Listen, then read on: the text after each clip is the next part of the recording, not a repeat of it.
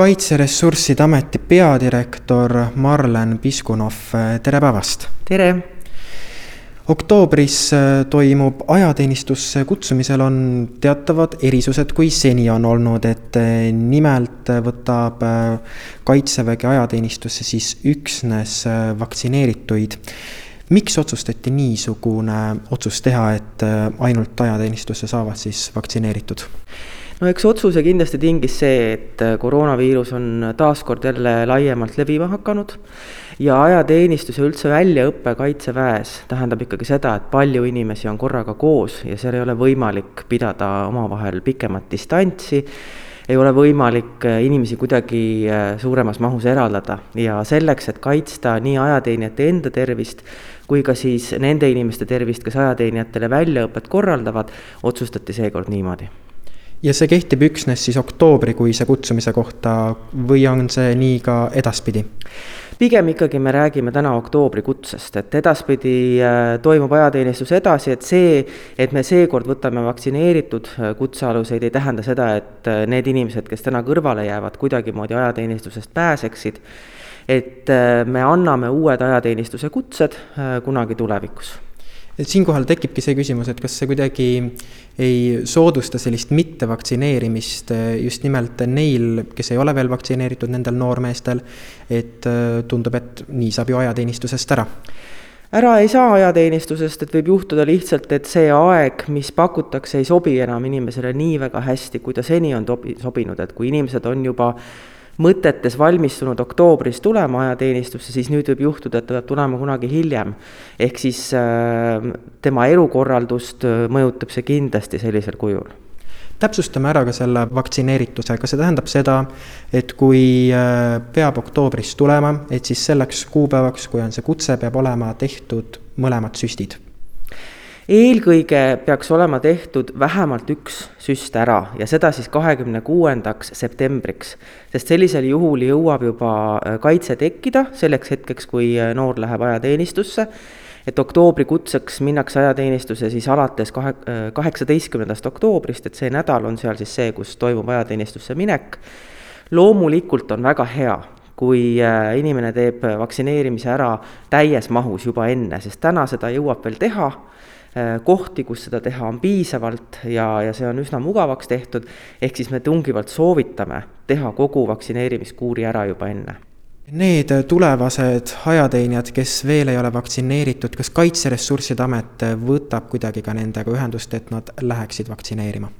ja me saadame kõigepealt otsepostituse kõigile neile personaalse kirjana, äh, kelle an-, kelle kohta meil täna puuduvad andmed, et kas nad on vaktsineeritud ja kui inimene annab meile teada, et ta on vaktsineeritud, siis sellega on asi korras. kui ta ei võta ühendust, siis me omakorda helistame talle ja, ja suhtleme temaga personaalselt. Ja vajadusel siis anname teada ka nendest kohtadest, kus saab vaktsineerimas käia ja, ja kuulame ära, et, et mis tal siis selle kohta ka öelda on, et me suhtleme kõigiga personaalselt. Hinnanguliselt, kui palju oktoobris siis tuleb äh, vähem äh, ajateenistusse noormehi võrreldes siis varasemaga, kuivõrd nüüd on see vaktsineerimise nõue? no me täna ikkagi töötame selle nimel, et, et need numbrid, mis on kokku lepitud, saaksid ka täis. ehk siis tänase päeva seisuga on planeeritud oktoobrikuus minema ajateenistusse veidi ütleme, circa tuhat kakssada ajateenijat, ehk siis natukene vähem tegelikkuses. ja me pingutame selle nimel, et selle numbri me ka täis saaksime üks pool on ajateenijad, kes lähevad ajateenistusse, aga reservis on neid ka üksjagu. kuidas on vaktsineerituse nõue siis nüüd korraldatud just nimelt sellisel juhul, kui on reservõppused, kutsutakse reservist inimesi õppusele, et kas siis sinna kutsutakse ka nüüd lähiajal ainult vaktsineeritud inimesed mm? -hmm no seda oskab kõige paremini kommenteerida kindlasti Kaitsevägi ise. et äh, tänasel päeval sellist äh, sajaprotsendiliselt selget seisukohta selles osas ei ole, aga kindlasti tasub küsida Kaitseväest täpsemaid kommentaare selle kohta. milline on praegu vaktsineeritus äh, nende inimeste seas, kes praegu aega teenivad? juulikutsest on tänase päeva seisuga vaktsineeritud juba üle üheksakümne viie protsendi et ehk siis need noored, kes selle aasta juulis ajateenistusse läksid, on suures osas tänaseks päevaks vaktsineeritud. Kuidas seal vaktsineerimisega on, et kas paljud on juba enne ära vaktsineerinud või toimub seal kohapeal ka, on vaktsineerimisvõimalused? no juulikutse on meil selline hea näide nüüd, et äh, selleks hetkeks, äh, kui noored ajateenistusse tulid, olid juba eelnevalt vaktsineeritud circa nelikümmend äh, protsenti kutsealustest, mis oli tolle hetke seisuga umbes sama protsent, mis oli kogu elanikkonnas ehk siis tolle hetke seisuga saadaolevate võimaluste piires võisime öelda, et, et umbes sama palju on ka kutsealused ennast vaktsineerinud. ja seal kohapeal siis toimus ülejäänud vaktsineerimine.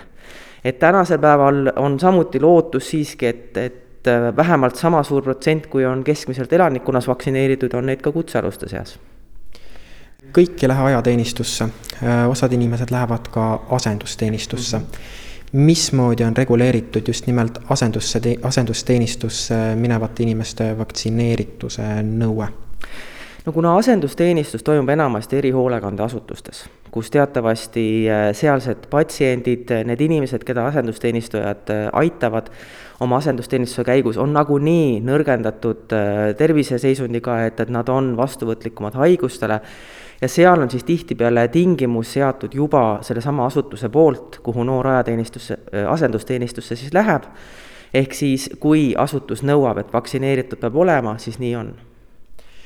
Vaatame natukene tagasi ka sellele koroona ajale, mis meil siin olnud on, kui tõsiseid probleeme oli nakatumisega siis äh, kaitseväes, seepärast et inimesed on seal ikkagi üsna tihedalt koos, käivad eh, tihedalt läbi.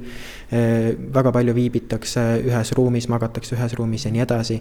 et millise, milliste probleemidega silmitsi seisti?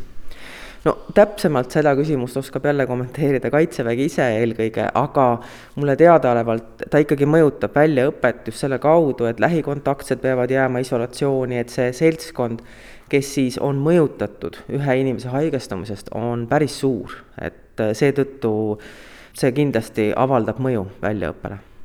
ja see vaktsineeritus on siis loodetavasti äh, on ka niisugune positiivne külg sellele, et äh, saab, ütleme niimoodi, et rohkem koju, et ei ole enam sellist olukorda, kus peab pikalt olema seal kohapeal, et enam koju ei saa või kuidas sellega on? jaa, kindlasti liikumine on lihtsam, linnalubadele saamine on lihtsam, kui inimene on vaktsineeritud, sest siis ei ole ohtu, et ta tuleb tagasi haigusega nii suurt on teil lõpetuseks veel midagi lisada? Ma soovitan noortel kindlasti, kes lähevad ajateenistusse oktoobrikuus enne äh, vaktsineerimas ära käia ja soovitan ka neil, kes lähevad kunagi hiljem äh, ajateenistusse vaktsineerimas käia suur,. suur-suur aitäh teile! aitäh teile!